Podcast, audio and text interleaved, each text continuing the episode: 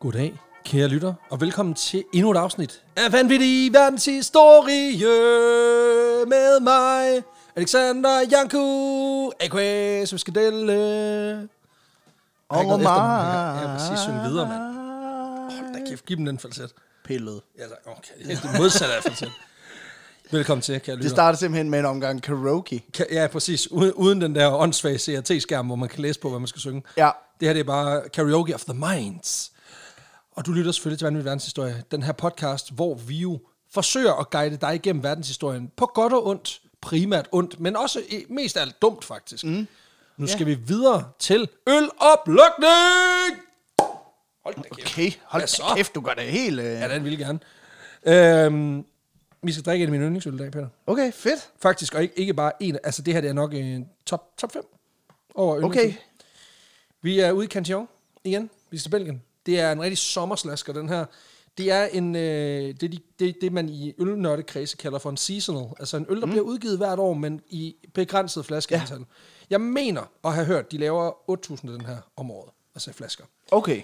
Øh, måske er den da lidt mindre end det. Men, øh, men det er cirka i det leje. Den er øh, spontangade. Det er blanding mellem et år og to år gamle øh, øl, som har ligget på egetræsfad. Og så har de macereret med en øh, bestemt type hvide druer, der hedder Viognier. Viognier. tror jeg, den hedder. Viognier. Viognier. Den har været på øh, Muscat-druer, men det er de øh, gået over fra, øh, væk fra, fordi de ikke kunne finde en økologisk producent. Og nu laver de dem her i stedet for. Okay. Og det er simpelthen øh, altså hvidvin og øl i skøn forening. Øh, og så til sådan en sommer, sommerdag, der er det altså bare mega godt. Fedt. Nu er den lidt varm, men øh, jeg tænker, det går alligevel. Skål. Skål. Den hedder Vineron.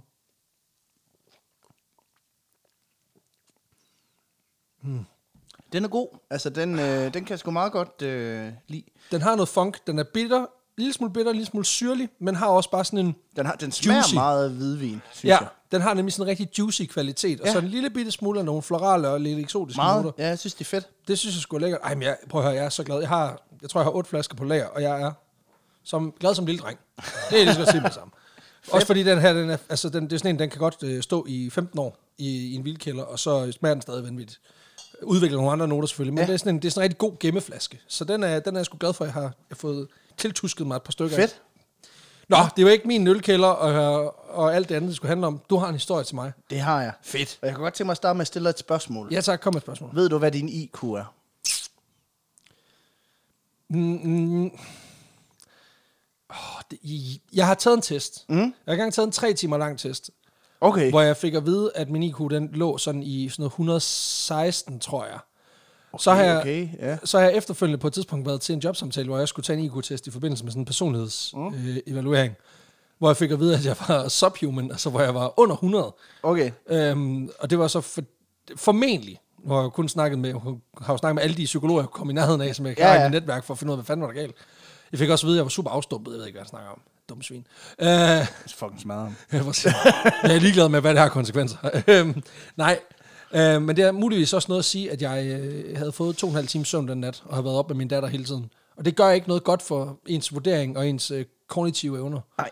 Så, øh, men, men, men mit bud er mm. øh, lidt over 100, nok ikke noget prangende. Okay. Fedt. Ja, kort altså, svar. Mhm. Altså, øh, jeg tog en test for ikke så lang tid siden, mm-hmm. øh, hvor jeg scorede 108, Ja, tak. sådan cirka, som jeg husker det. Øh, jeg har også taget mange, især den inde på Mensas hjemmeside, har jeg taget en del gange, og det er sådan, det er jo sådan 108, 110 og sådan Hvem, noget. hvem har ikke speedrunnet den i gymnasiet? Ja, det er det. Øh, og det er altså, det er lidt over middel, uden at jeg skal prale, men det er jo endnu et bevis på, at IQ og penisstørrelse føles ad. Lige Øh. over 8. Ja. Øh, Storhjernen og Lillehjernen korresponderer med hinanden. Ja, tak. Øhm, men altså 108 fik jeg på den, den jeg har taget for nylig, og jeg gik en okay score, synes jeg. Ja. Og hvis man vil, sidder derude og vil sammenligne score og se, kan man score højere end mig? Hvem har længst? Ja, så kan man gå ind på den, der hedder iqtestforkids.com. Og der er du helt klart en 108, fordi du kan se, at det er den flodhest, den er... Ja, den siger den. Den der grå med den lange snabel. Ja. Nå, nej, nå. Det er den, der siger, "Woo!" Præcis. Fuck, hvor er det åndssvagt. Nå, jamen, Det var sjovt, de ringede fra kommunen lige bagefter, jeg havde taget den. Ja. Og spurgte, om jeg havde et barn, der skulle have noget hjælp. Så nu kom du til special, øh, i specialklasse eller hvad? Ja, To gange om ugen, det er Mhm. dejligt. Jeg har lært at skrive ord. Det er rigtig mm. flot. Ja, fedt. Ja, ja. Men Hvem tænker du så er det klogeste menneske, der nogensinde har levet? Det er et godt spørgsmål. Jeg har hørt, at der var en, øh, jeg ved ikke om han var britisk, men en, en skakspiller, mm. Bobby Fischer. Ja. Han skulle vist nok være sådan, altså op der, sådan noget 220, uden at det er blevet målt. Men, men det er sådan lidt, he seems legit and smart. Ja. Øh, og så sådan noget som Einstein, også sindssygt høj intelligenskoefficient. Ja. Ja. Men øh, hvad var det omkring sådan noget 180, 185? 160, tror jeg. Nå, nå Ja. okay, ikke engang øh, mere end det. Nå, men, men igen, altså det er jo Fucking bare noob, tal. mand. Ja, altså. præcis. Det er jo bare tal, der bliver kastet op. Altså man har ikke noget forhold til IQ. Men Det er også det, jeg siger, når jeg er i dag. Det er bare et tal. præcis. Så går du ind i en dør. Ja. Ja. Øhm, Stephen Men... Hawking havde også 160, faktisk. Okay. Øh, Elon Musk har omkring hun- 150. Så, Okay. Ja. Men geni stadigvæk. Ja, ja. Altså, det er jo det, man definerer det som. Hvis du har et over et vist, så er du det, der er defineret som geni. ja, og det er, nok det, som, det er nok nogle af dem, som folk de tænker meget på, når de tænker på, hvem er måske den klogeste mand i verden. Måske ikke så meget Elon Musk, og hvis du gør sådan, er det nok bare fordi du ryger for meget has. Men, men i dag, der skal vi tale om en, der overgår dem alle sammen. Også Okay. okay. Bobby Fischer. Okay, stærkt nok. Øh, en person, der almindeligt set er blevet betegnet som det mest intelligente menneske nogensinde. Hold da kæft. Okay, hvad så? En person, der kigger på Albert Einsteins 160 IQ-score, sådan, hvad lavede du kun halvdelen af testen, eller hvordan? Okay, iskoldt. Ja, vi skal nemlig snakke om William James Sidis, et geni uden grænser, simpelthen. Bogstaveligt talt for James Williams, øh, William James Sidis, han læner sig altså op af et IQ på omkring 300. Han springer skalaen. ja, det gør han. Hold da kæft. Okay, øh... hvad så? Ja, og det er altså en gut, der vil få Einstein til at stå sådan og være sådan, fucking nerd. Ja. Så dagens hovedperson er nok en af de mest geniale mennesker, der nogensinde har levet. ja. Og fortjener helt klart en plads mellem nogle af de her genier, vi, vi lige har nævnt. Men hvorfor er han så ikke der? Det er fordi, jeg har aldrig hørt om sådan. Nej. Altså, Det skal vi nok komme ind på, hvorfor han er der. Og måske sådan beviset på, at den her grænse mellem gal og genial, den nogle gange er altså pubes hårs tynd. ja. Det er også den, jeg måler min øh, afstand imellem de to ting. Du må jo på pubes hårs. Jeg kigger altid ned på mit længste. Jeg har jo sådan et langt, altså sådan, Ja. ja. sådan altså ekstraordinært langt. Et, et pubesår. meget tykt pubesår. Nej, nej, nej, nej, bare helt tyndt, men meget langt. Øh, som jeg så- simpelthen holder op for foran folk, og så vurderer jeg, om er de gale eller geniale. Ja. Det er sjovt som om, at folk bliver altid gale. Ja. Og det siger sjældent noget, der er Og særlig de, genialt. de siger også altid, du er gal. Det er meget fedt, man får sådan et, øh, Præcis, en det er et vurdering spejl. på den måde. William James Sidis, han blev født den 1. april i 1898 på Manhattan i New York City. Yes. Og hans forældre, de er emigranter, de er jøder fra Ukraine. I nogle af kilderne, der er Williams forældre, Boris og Sara, øh, nævnt som russere. Og i de her tider, der er det måske ret vigtigt lige at... Lige at deklarere, hvad fanden mener vi ja. egentlig her? Øhm, og det er simpelthen fordi, de begge to kommer fra det, der på det her tidspunkt hedder det russiske rige, som altså indbefatter dele af det, der hedder Ukraine i dag. Ja, tak. Øh, men forældrene stammer altså fra det, et- det område, der i dag hø- tilhører Ukraine. Ja. Øh, faren han er fra den by, der hedder øh, Badichev, der ligger i det nordlige Ukraine. Yes. øh, og er emigreret til USA i øh, 1887. Okay. Og grunden til, at de rejser til USA i første omgang, forældrene her, det er simpelthen for lige at få lidt fred fra øh, sådan et nyt projekt, der er startet over, der hedder antisemitisme. Nå, ja, ja, klassisk projekt. Så ved du, hvad, den har jeg været op og vende et par gange. Ja. Ja. ja det er sådan en klassisk go-getter. Øh, Ja, ja, for satan, man. eller den- go get em. Ja, præcis. klassisk, go get them. Ja. Øhm, blandt andet i det russiske rige raser det ret meget det her antisemitisme, fordi der har zaren indført det, der hedder Maj-loven. Og Maj-loven, det er det, som russerne beskriver som en, citat, regelmæssig regulering af de jødiske mindretal. Og du mener lidt ligesom, man kører en regelmæssig regulering af, du ved, bestanden af kronhjorte. Mm. Altså, det lyder jo fucking som om, det er, det er en jagtlov. Hvad Ja. ja. fanden foregår der? Ja, det lyder som noget, du gør, altså når du slår græs i rabatten på en, en landevej, ikke? Hvor det er Eller sådan, grød, grødskæring i, øh, i åsystemet omkring Silkeborg. Mm. Altså, det, det, det kan sgu da ikke sammenligne. Ja, det er sådan en rimelig sådan corporate management-agtig måde at sige sådan, øh, altså ja, hver år, der laver vi en regelmæssig regulering af løn- og jødeniveau her i den offentlige sektor. Altså, hvor det er sådan, det det reelt set betyder, det er fripas til at chikanere jøderne helt vildt meget. Okay, så ikke mor, men... Ikke endnu. Øh, okay. Det er altid... Det er nok den værste sætning. ikke nu. Okay. Oh, it's coming. Ja, præcis. Jeg, jeg kan mærke, at Pøllebjerget kom tættere på. Ja. Okay. Ja, det er lidt en måde at køre noget rigtig bars ned i sådan en fagsprog, Ja. ja. øh, hvor det ikke lyder så slemt. Så de bruger regelmæssig regulering af jødisk mindretal på samme måde, som russerne den dag i dag også bruger specialmilitære operationer om invasionen i Ukraine. Ah, ja, ja, ja. Ja. Den gamle traver. Og man bruger person med mindre HR-sag om Taito for Paradise. Ah. Mindre sag. Mindre sag. Ja, præcis. Lille bitte sag. Lille bitte sag, altså prøv nu at høre. Han var bare en glad mand, er det ikke sådan? Jo. Ah, Og hans- undskyld, det var den anden. Hans IQ var også over middel, og han kunne ikke styre den. Nej, Nå, men faktisk så har Williams far Boris tilbragt omkring to år i fængsel, inden han flygter til USA på grund af anklager om det, der hedder sionistisk konspiration. det vil sige, han er sionist.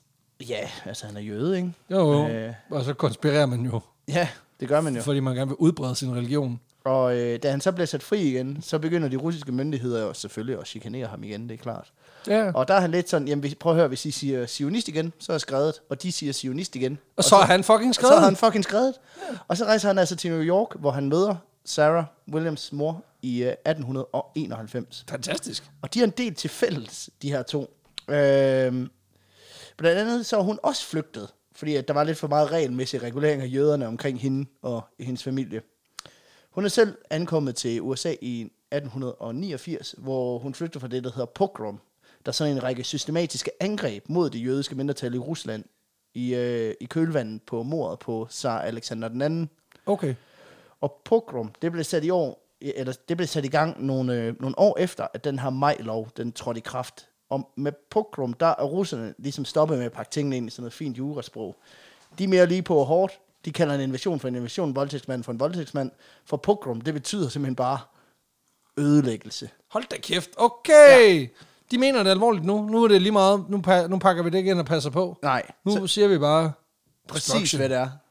Og man kan sige, Boris han flygtede lige inden det blev rigtig grumt derovre. Og, og den hun, her og hun fik det hele med. Pogrom- hun fik det hele med. Men parret Så så, hendes forældre har været sådan lidt, "Nej, det er sikkert ikke så slemt. Altså, så må han lade være med at tage del i den sionistiske konspiration. Altså, ja, præcis. Og de lussinger der, altså, det er mest for sjov. Det er sådan en leg, vi har. Mm. Ja, Prøv at høre, de siger jo bare, det er regelmæssig regulering. Og hvis, præcis. De, de kunne se, at jeg var ved at være træt af de fedtede ruder, så de bashede dem lige for mig, så jeg kunne få nogle nye, fine, Ja. glinsende, spej- spejlblanke ruder. Ja, fedt nok. ja, Der jeg har må fået- have været jeg har en fået sådan enkelt. en fedt batch, jeg skal gå.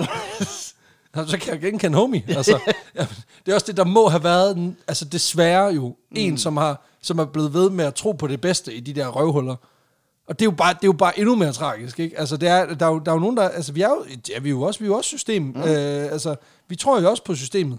Altså, så, så det, det må... f- ah, Fuck, man, det har været sindssygt. ja, jeg tror ikke, det har været rart. Nej, men det er også bare en vild måde at bonde over. Ja, ja. Og du er også blevet udsat for systemisk mm. racisme. Uh. Woohoo! Ej, så er vi jo nærmest ens i vores traumer. Fedt. Så kan mm. vi jo få en double session hos en psykolog for at komme over Du det her også shit. PTSD. Ja, fedt, mand. Og det er de samme ting, der trigger os. Sådan, mand. Sådan. Så kan vi jo nærmest være sammen. Så kan vi leve et helt triggerfrit liv herhjemme. Ja, præcis. Hvor vi ikke har russere hjemme, for eksempel. Ja, for eksempel. Men det her par, Sarah og Boris, de øh, finder altså sammen og bliver forældre til lille William i 1898. Og på Perfekt. trods af, at de er migranter, forældrene, så er det en relativt velstående familie, som William han blev født ind i. For øh, øh, faren, Boris, han, øh, han samler simpelthen på akademiske grader, som vi andre samler på Pokémon-kort. Siden han ankom til USA, der har han anskaffet sig ikke mindre end fire akademiske grader fra Harvard University. Og han samler dem. Han kører dem bare på samme bånd. Ja, ja. Han har en bachelor, en master, det der svarer til en kandidat herhjemme, en doktorgrad og en medicinsk doktorgrad, og der synes jeg ret vildt, det er alle sammen psychic type. Det, øh, fordi det, øh, Han er gengar. Ja, fordi det er alle sammen øh, inden for psykologien. Ja, ja. Okay, så han er en uh, Alakazam. Ja, Ja, ja. Jeg okay. gengar er ghost type. Nå, ja, det Det er er undskyld. noget Sorry. Ja, Ja. drowsy. ja. Hypno. Han tror også, han er lidt drowsy. Ja, Jeg tror også, han er efter alle de titler. Altså, ja. det, er Ja. bare, det går for godt. Det går så godt. Moren, Sarah, hun har heller ikke ligget på den lade side, kan man sige. For i modsætning til mange andre kvinder på det her tidspunkt, så har hun nemlig også gået på universitetet. Perfekt. nemlig ved Boston University, hvor hun fik en kandidatgrad i medicin i 1897. Så det er en hardcore akademikerfamilie, som øh, William bliver en del af her den 1. april 1898. På det her tidspunkt, da William han kommer til verden, der har far Boris øh, også allerede sat sit præg på den akademiske verden. Øh, for omkring århundredeskiftet, der anses han som en af de førende autoriteter inden for psykologien. Okay. Og han er basically en af pionererne inden for det, der hedder psykopatologi, altså vores forståelse af psykiske lidelser. Okay, det, altså, han, altså, han får fandme noget for hånden, Ja, ja, han efter er, han kommer ind der. ja, han er sygt psy- psychic type. Ja, helt vildt. Hold da op. Jeg er ikke så drowsy. Øhm, gennem sit arbejde og, og studie, der er Boris også blevet øh, tætte venner med psykologen, filosofen og forfatteren William James, der også kaldes for faderen af den moderne amerikanske psykiatri. Og på grund af hans tætte samarbejde, så vælger Boris altså at opkalde hans nyfødte søn efter William James, og derfor så kommer han til at hedde William James Sidus. Det er altså også...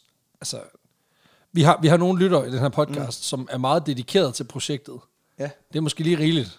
Ja, det behøver I ikke. Peter Alexander Jensen, det, er- det er for meget. Ja, eller buer pil.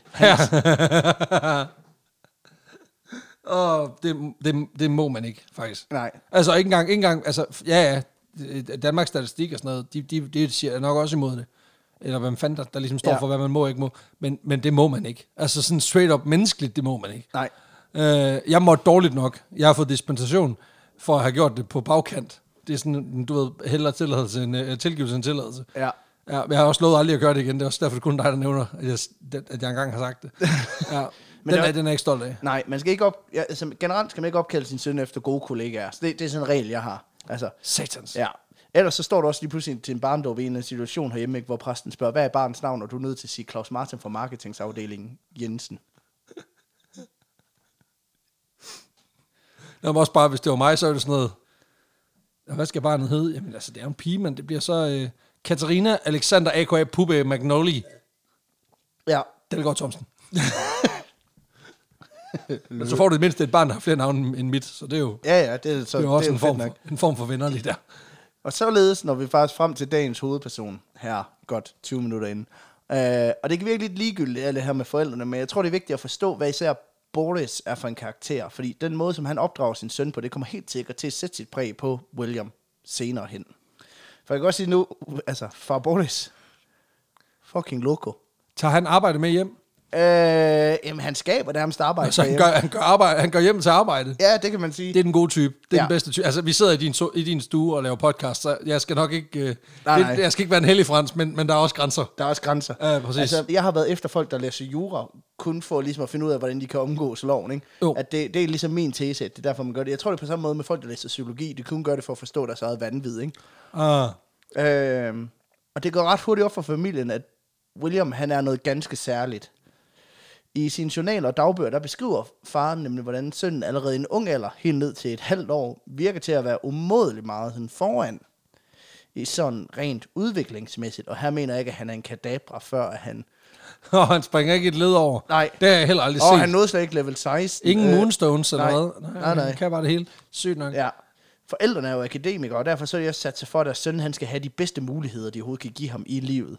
Og derfor så er de allerede fra, han var helt spæd, gjort enormt meget ud af at udfordre ham sådan rent intellektuelt.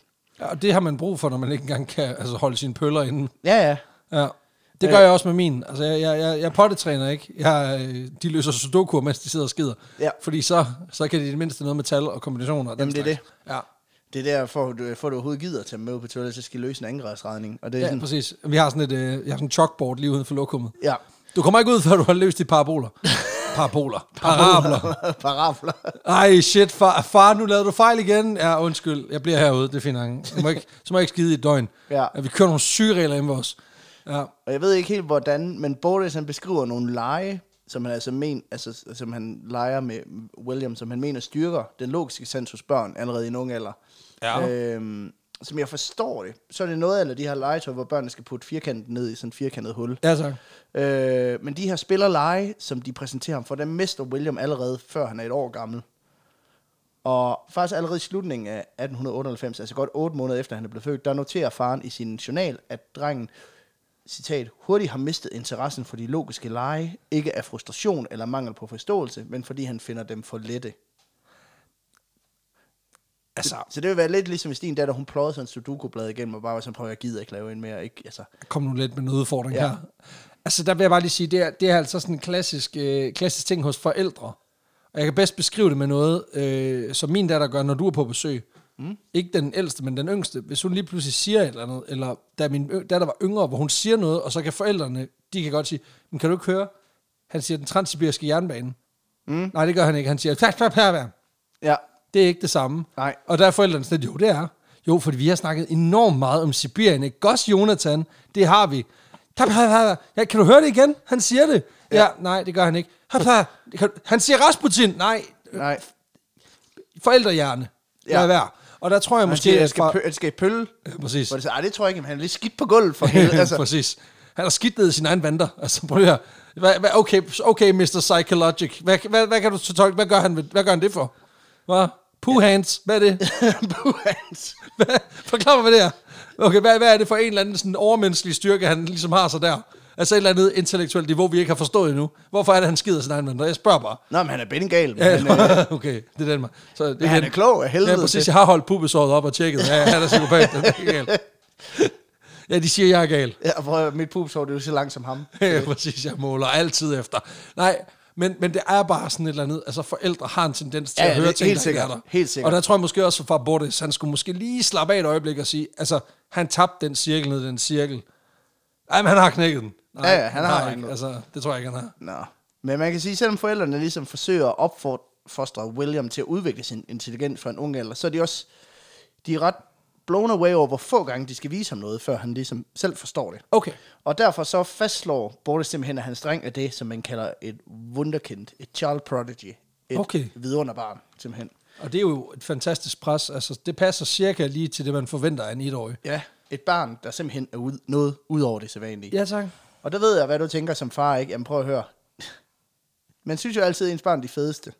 Men faktisk så kan William Seides allerede på det her tidspunkt i en alder af 8 måneder krydse de første ting af listen på listen over ting, der indikerer høj intelligens Ja, tak. blandt børn. Kom, kom med dem. Helt konkret, så er det noget med god hukommelse, lærenemhed, og det her med ikke at blive udfordret intellektuelt, er noget af det, som man forsøger at kigge efter, gener- altså som g- normalt set udfordrer børn på den her alder. Og det er altså noget af det, man kigger efter hos, øh, hos børn, når man skal vurdere, om de er særligt intelligente. Okay. Da far Boris han ser de her tegn hos sin søn, så beslutter han derfor også, at Sønnekes intellektuelle potentiale, det skal sgu da ikke lige gå til spil. Nej, der skal ikke gå sprudt damer inden, ikke? Nej, det er det. Det er der slet ingen grund til. Modtaget. Ja. Så øh, han har simpelthen frøene til at blive en af de største blomster i den akademiske edens have. Og derfor så beslutter forældrene, at William simpelthen skal opfostres med en forkærlighed til viden og en idé om, at viden er det allermest værdifulde i hele verden. en umiddelbart smuk tanke, men en fuldstændig vanvittig lavpraktisk, altså når det skal realiseres det der. Ja, ja.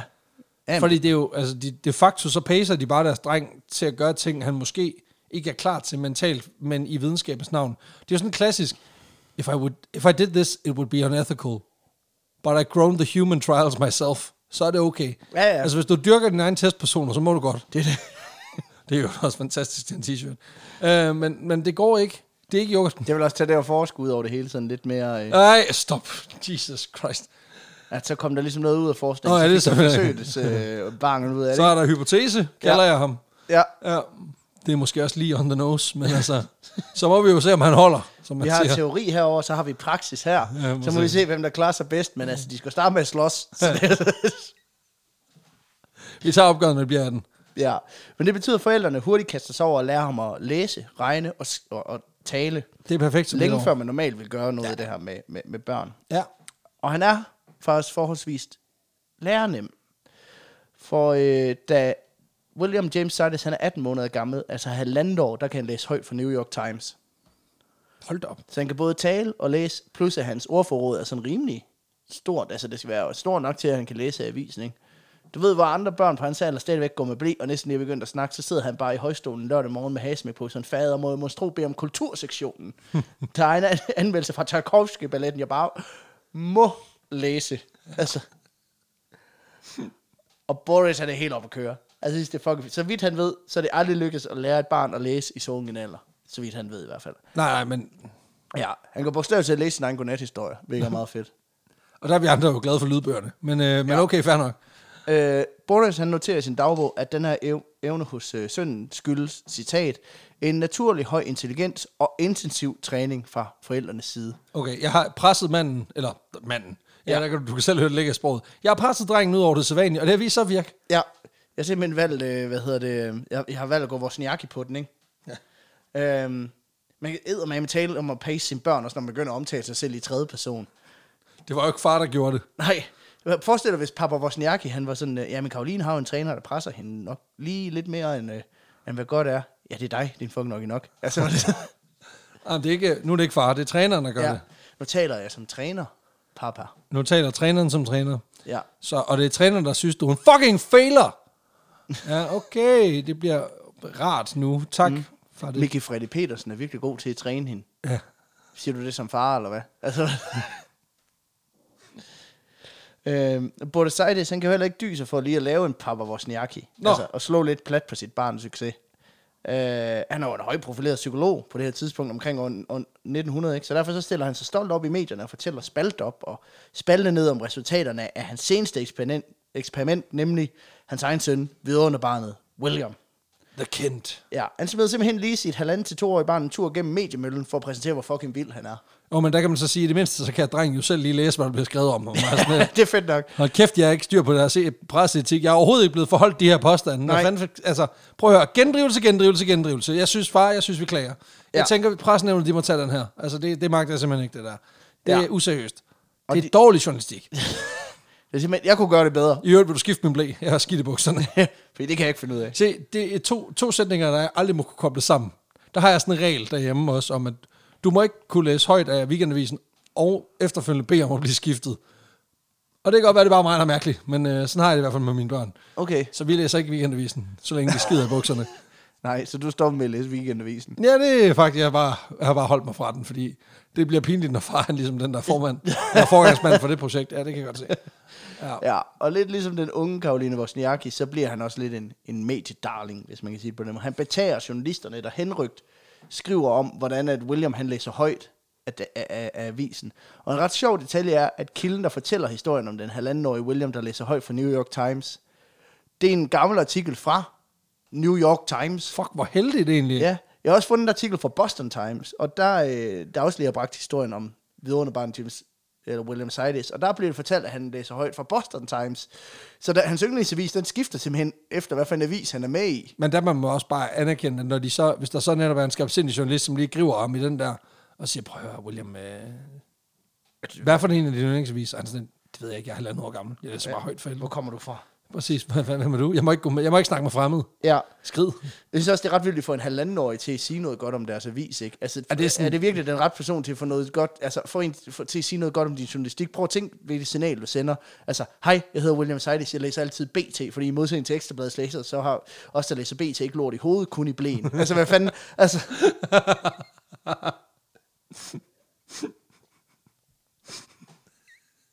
Jamen, det er helt fucked. Det er både jab og sindssygt på samme tid. Det, er- det er ret godt. Ja. Ja, men de... Men så igen, så vil jeg jo købe den avis. Ja, ja. Jamen, det er 100 procent. Men det er, den er ikke sådan den bedste poster child. Ej, det er hjernedødt. Men øh, de gamer altså lidt medierne på den her måde, og Borosides, den stolte far slash gale videnskabsmand, han stiller også gerne op til interview. Jeg tænkte så. Både for at fortælle historien om, hvordan de opdagede, at William var noget særligt, men også for lige at formidle resultaterne af det her sådan, træningsprogram, han har sendt sin søn igennem for at skærpe hans intelligens. Naturligvis. For man skal ikke tage fejl af det her. Det kan godt være, at Boris han fremstiller det, som om de bare har en alternativ opdragelsesstil. Men det er et fucking eksperiment. Det er det, jeg sagde før. Ja. Altså, hvis ikke du kan etisk forsvare og lave eksperimentet, så må du gro din egen testsubjekt. Det er det. Og der, der er fra Bottas, han, er- han, er- altså, han har jo set muligheden, da den bød sig. Ja, Og sagt, det, det er nærmest for godt testmateriale til, at det skal gå tabt i almindelig uddannelse og sådan noget. jamen det er det. Ja. Øhm, det har egentlig været sådan ret off the record, men, men det er tydeligt, Boris han har set, at William var meget intelligent, og så har han besluttet sig for at udføre sit eget personlige eksperiment, for ligesom at se, hvor meget intelligent kan man opfostre, så at sige. Og det er der nogen, der vil sige, der er børnemishandling. Øh, og det vil de sige, fordi det er børnemishandling. ja primært. Ja, primært. Og øh, det er ret tydeligt i nogle af de her opdragelses- og opfostringsmetoder, som Boris han beskriver, at de har taget i brug over for deres halvanden år gamle søn. Fordi at forældrene mener jo, at viden og intelligens, det er det allervigtigste værdi, et menneske kan have. Så øh, det betyder selvfølgelig også, at alt andet i livet, det bliver nedprioriteret over for den her halvandenårige knægt. For eksempel lort i blæen.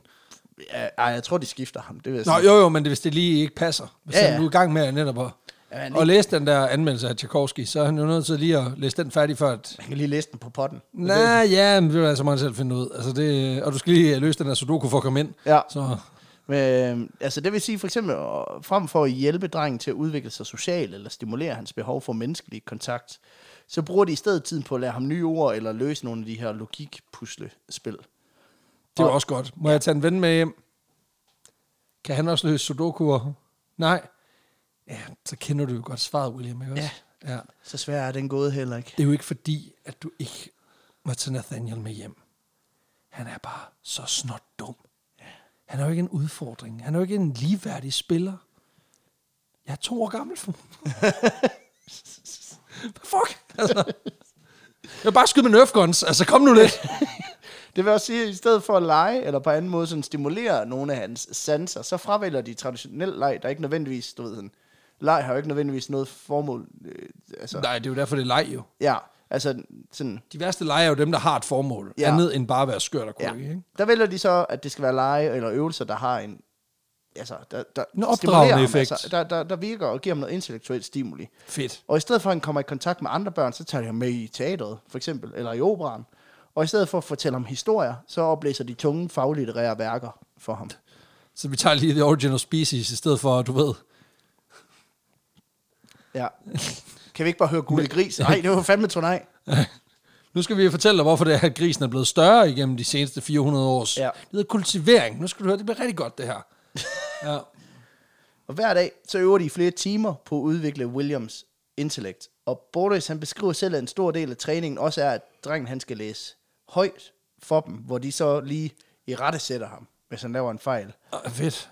Og i stedet for at pludre eller tale til ham i børnesprog, så vælger de i stedet at føre sådan relativt intellektuelle samtaler med drengen. Ja, det er også bedst. Det, er- det, det har jeg altid sagt. Ja. Altså, hold fagsproget tight. Ja. Tight.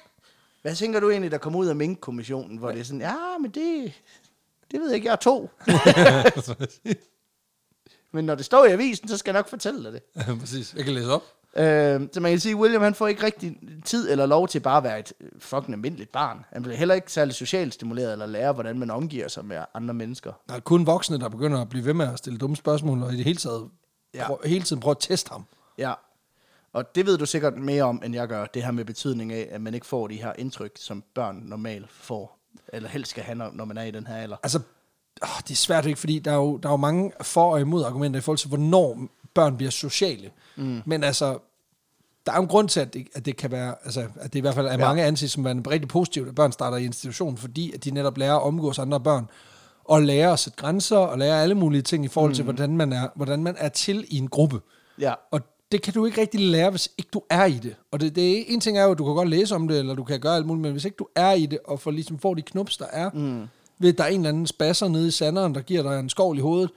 Øhm, s- altså, og det er ikke, fordi jeg siger, at det er fedt, men det, det gør bare noget i forhold ja. Ja. til, at du ligesom lærer dynamikker. Altså, du skal forestille dig, det er ligesom, at du sidder inde i en papkasse, du ikke kan se kanterne på. Du er nødt til ligesom hele tiden at bruge dine hænder til at markere, og finde ud af, jamen, hvor er, hvor er, mm. altså, hvor er jeg i forhold til det her? Og det får du jo ikke, hvis ikke du er der. Nej, Det er jo meget simpelt.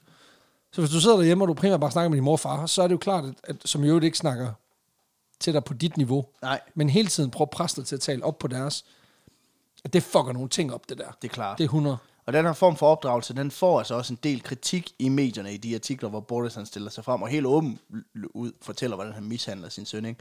Øh, men ikke som sådan noget, der påvirker hans karriere. Der er medierne lidt mere sådan, altså, de har lidt den holdning, de har til Michael Jackson i dag, ikke? hvor det er sådan, ja, han mishandlede børn, men det han laver, det er sgu meget fedt. Altså, var det sådan, Ja, men den der beat, den er meget god. Altså, Ja. spørgsmålet er om, altså det kommer selvfølgelig an på, hvad den handler om. altså om det er his meat, Men han- eller hvad, hvad fanden. men han er bad. du er en smooth criminal, det må man give. på den måde, så kan man sige, du kan jo, du kan jo bare altså, omrokere MJ's diskografi, og så er det jo sådan set bare en tilståelse. Ja, ja. Altså, det er, det er vidderligt. Altså, Doesn't matter if you're black or white, I'll fuck you anyway. as long as you're under 10. Ja. det var sådan. Åh, Shit, mand. Ja. Men måske det var det også meget fedt lige at bremse op her, og lige kigge på, hvad det her med IQ reelt set lige Ja, det kunne være meget rart. Øh, inden vi kommer for meget ind i pædofili-jokesene ved Michael Jackson. øh, og jeg vil lige sige, at William han blev aldrig IQ-testet i sin levetid. Simpelthen fordi IQ er et relativt nyt koncept på det her tidspunkt. Men de her scorer på en 200-300 stykker, det er altså estimater fra IQ-eksperter, der er kommet efterfølgende. Okay, så de har fjerndiagnostiseret ham med høj IQ. Ja. Ja. Men feltet med IQ eller intelligenskoefficient, det er et felt, som man faktisk først begynder at udvikle her i starten af af 1900-tallet. altså omkring det her tidspunkt, hvor han stadigvæk er forholdsvis spættet, øh, William. Ja. Og på det her tidspunkt, der er den førende teori på intelligensområdet, at ting som verbal argumentation, hukommelse og logisk sans, alt sammen afspejler en eller anden form for generel intelligens, hvis man kan sige det på den måde. Okay. Eller som forskerne kalder den, the G-factor. G-Factor! Ja, Kæft et program, jeg ikke skulle se. Altså, Ja. yeah. Fear Factor synes jeg var klamt i forvejen. Det der, det virker bare ja ja, og kedeligt. X-factor er lort, og det her det er bare, Der er mange factors. det er meget det. Mange faktorer. Øhm, og de første, der udvikler en test, der kan måle øh, eller give en indikator på den her G-faktor, det er psykologerne Alfred øh, Binet og Theodore Simon, der udvikler en test til en skole i Frankrig. Og den her test, den skal altså kunne opfange, hvilke elever, der har det svært, og som kræver mere hjælp i skolen. Og til det, der udvikler de en, en beregning, der kan score børnenes intelligens, eller den her G-faktor. Og det øh, udregnes helt simpelt ved, at du tager scoren fra en, en test, de har udviklet, dividerer med personens alder og ganger med 100. Og så får du simpelthen et tal. Ja, og så er gennemsnittet simpelthen 100, og langt de fleste, de scorer så inden for plus minus 15 point af de her 100. Ah, fordi så begynder du at få de der marginaler, der gør, at du kan se forskellene. Lige Okay, præcis, ja. ja. jeg modtaget. Og øh, det er faktisk den første primitive IQ-test, de udvikler her, og det er jo meget fedt, fordi at de mener, at den her score, den er udtryk for børnenes sådan generelle intelligensniveau. Okay. Problemet er bare, at der er ingen, der fucking ved, hvad intelligens er. Nej, det er jo et meget abstrakt koncept. Ja. Altså, det er jo nærmest et filosofisk koncept, mere end det er noget, det er noget konkret og noget angribeligt. Ja, det er sådan et meget fluffy term, der er blevet kastet rundt og er blevet defineret lidt på den måde, man nu gerne lige vil bruge det. Ja, det er det. Øh, og selv den dag i dag, så findes der ikke nogen sådan, i psykologien i hvert fald, en- nogen fast definition af intelligens. Nej, for der er jo nogen, der arbejder både med én intelligens, der er også nogen, der arbejder med et, sådan en, en bred portefølje af intelligenser, altså sådan noget, er det mm. syv eller ni intelligenser. Ja. Hvor det er sådan, hvor det er, sådan, det er din musiske intelligens, det er din logiske intelligens, det er visuel intelligens, altså det er sådan, hvor, hvor altså det, at der er to skoler, og de er så vidt forskellige mm. på sin vis, det gør det jo også bare mere forvirrende for os, der ikke sådan nørder ja. det. Og det betyder også, at mange, siden han har taget det her ret vattede term og brugt det på en måde til at opdele folk, f- efter hvordan man lige synes, de skulle opdeles. Ikke? Øh, blandt andet så var der mange, der mente, at det, den her form for intelligenstest også var et godt værktøj i øh, et forskningsfelt, der hed eugenik. Ah, ja. Ja, ja. Den og- gode gamle traver. Ja, hvis man ikke ved, hvad eugenik er, så, øh, så er eugenik en horribel tankegang, der går ud på simpelthen at forbedre den menneskelige race ved at sortere dem fra i genpuljen, som har de træk, man ikke lige ønsker. Øh, det kan være alt fra de jøder til de handicappede til bare, de synes, altså, du synes, føj for saten, hvor ser rødhåret bare klamuella ud. Altså, øh, ja. Ja. ja. Det, og det, det er... Øh, altså, det er til en hel episode for sig selv. Ja. Den, øh, den er vild. Også bare, f- altså, en ting ved den historie er, at den er vild, fordi at selve sådan, teorien er bare flot. Altså, der er huller i den. Du kan gennemholde det lort øh, på, på 1000 sekunder. Men, men det, der er endnu vildere, det er, at den har fået bred... Mm. Altså, t- altså, den har tiltrukket følgere, Ja, altså i det meste af verden. ja, det er det. Altså, det der, hvor- hvor man bare sådan tænker, hvad, fanden er det, hvad er det her? Det er fuldstændig Det er bindegalt. sindssygt, men, men øh, ja, og især også, hvor lang tid det fortsætter, fordi altså, der er jo eksempler helt op i sådan 70'ernes USA, Ja. hvor der sidder et selskab af folk, som tænker, jamen, vi, hvad, hvad med de jøder, der skulle vi til at få dem heraus, eller hvad? Ja, ja. Hvor det sådan, at, nej, det gør vi ikke mere. Altså, vi gjorde det dårligt nok en gang, og det var ikke i orden. Det er vildt nok. det Ja, det er er altså, sygt. det er, Det er det så er sygt. fuldstændig sindssyg tankegang. fucked up. Men en af dem, der faktisk tror på eugenikkens herligheder, det er en gut i USA, der hedder Henry Goddard. Og Goddard, han har på en eller anden måde fået erhvervet sig en psykologtitel, selvom han burde have fået en psykopattitel i stedet for. Fordi han Det var der fornemmer, ikke flere af.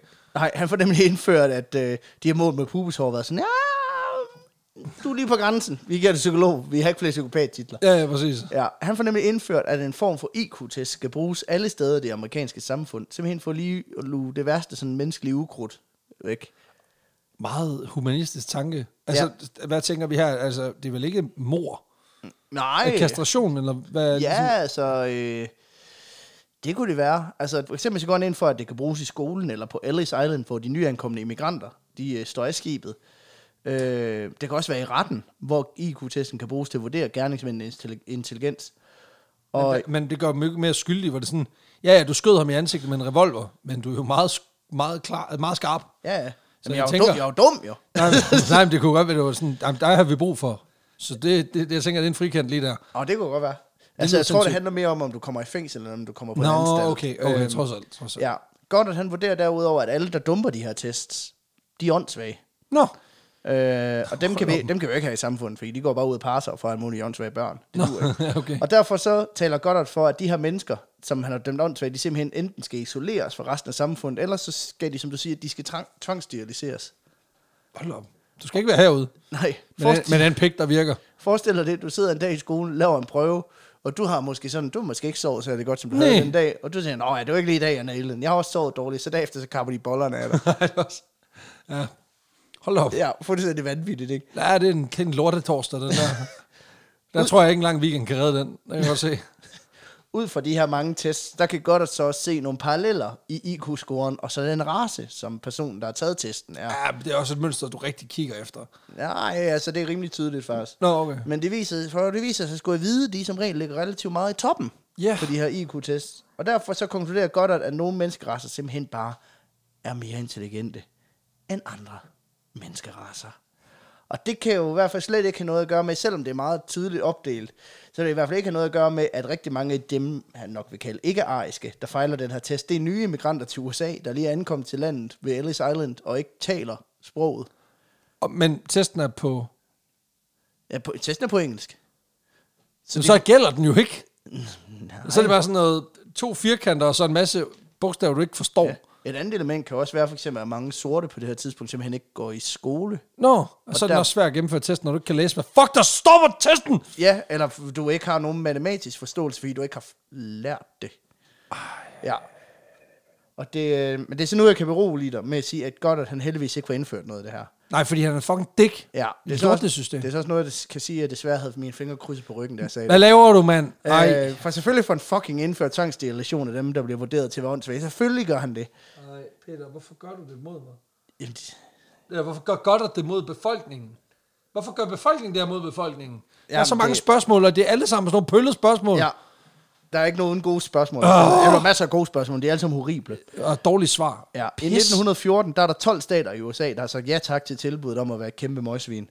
Og nogle få år efter, der er der så 18 stater, der sådan banker på sådan sådan, hvad er der plads til flere medlemmer i PK-klubben? Og bare rolig.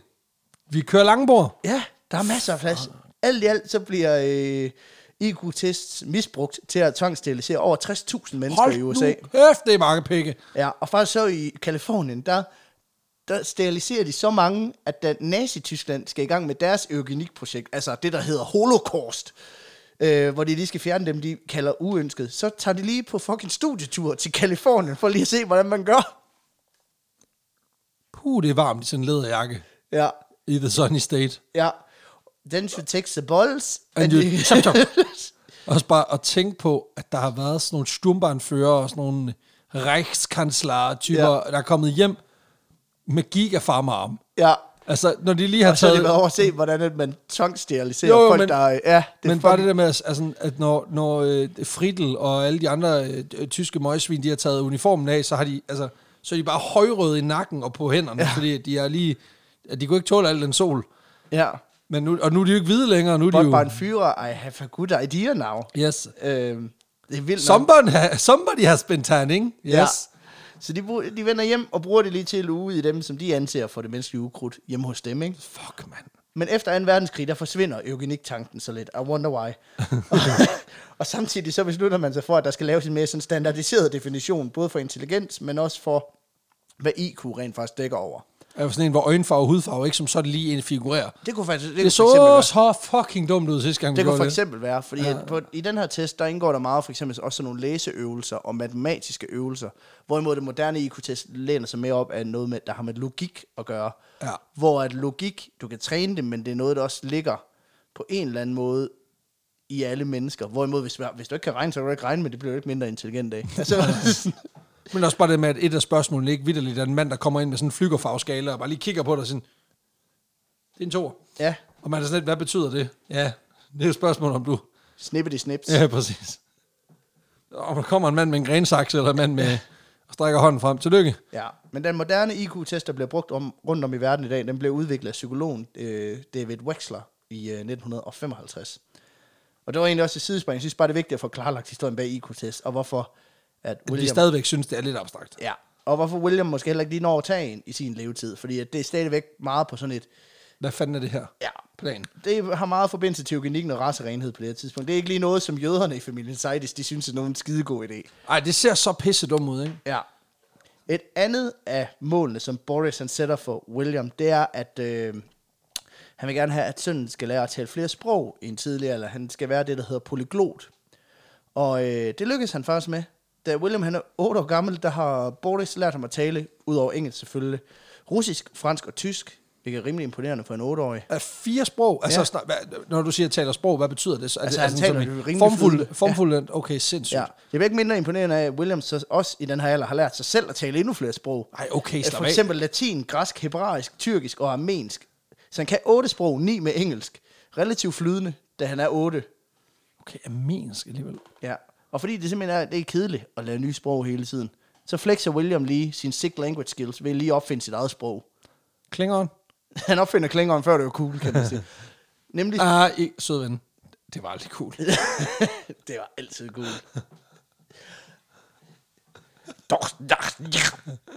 Jeg tager resten. Jeg gider, ikke, jeg gider ikke, du kalder mig en hestemilkshake. Det magter jeg simpelthen ikke. Altså, må du fandme stoppe. Det er både useriøst og dumt. Han udvikler sproget, der hedder Vendergood. Ja, Øh, og det opfinder han altså her i 8-årsalderen. Og det er et komplet sprog med sine egne taksonomiske regler og grammatik og oversættelser for enormt mange ord. Og det her sprog, det har han opfundet i forbindelse med, at han skrev sin anden bog, The Book of Wintergood. Oh yes, hans anden bog i en Otte alder år. af en otte- af 8 år. Og i øh, den her bog, der udlægger han altså, hvordan man kan både lære, skrive og tale Ventergood. Og øh, Ventergood henter inspiration hos især latin og, og græsk, men øh, også med påvirkning fra tysk og fransk, så det adskiller... Ja, så det er sådan en potpourri ja, det er alt det bedste. Det er, altså, det er absolut music, bare inden for, bare inden for ja, sprog. Ja, det kan man sige. Og, og på ingen måde hits for kids. Fordi, Ej, det, han- det er hit for one kid. Nej. præcis. Øh, men det adskiller sig også fra de fleste sprog på især to områder. Ja.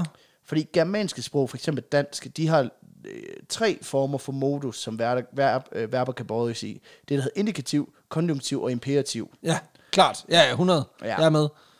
Øhm, og for at lige smide lidt dansk undervisning ind, så jeg skal nok gøre det kort. Helt for simpelt, så indikativ. Det er primært bøjninger i nutid og datid.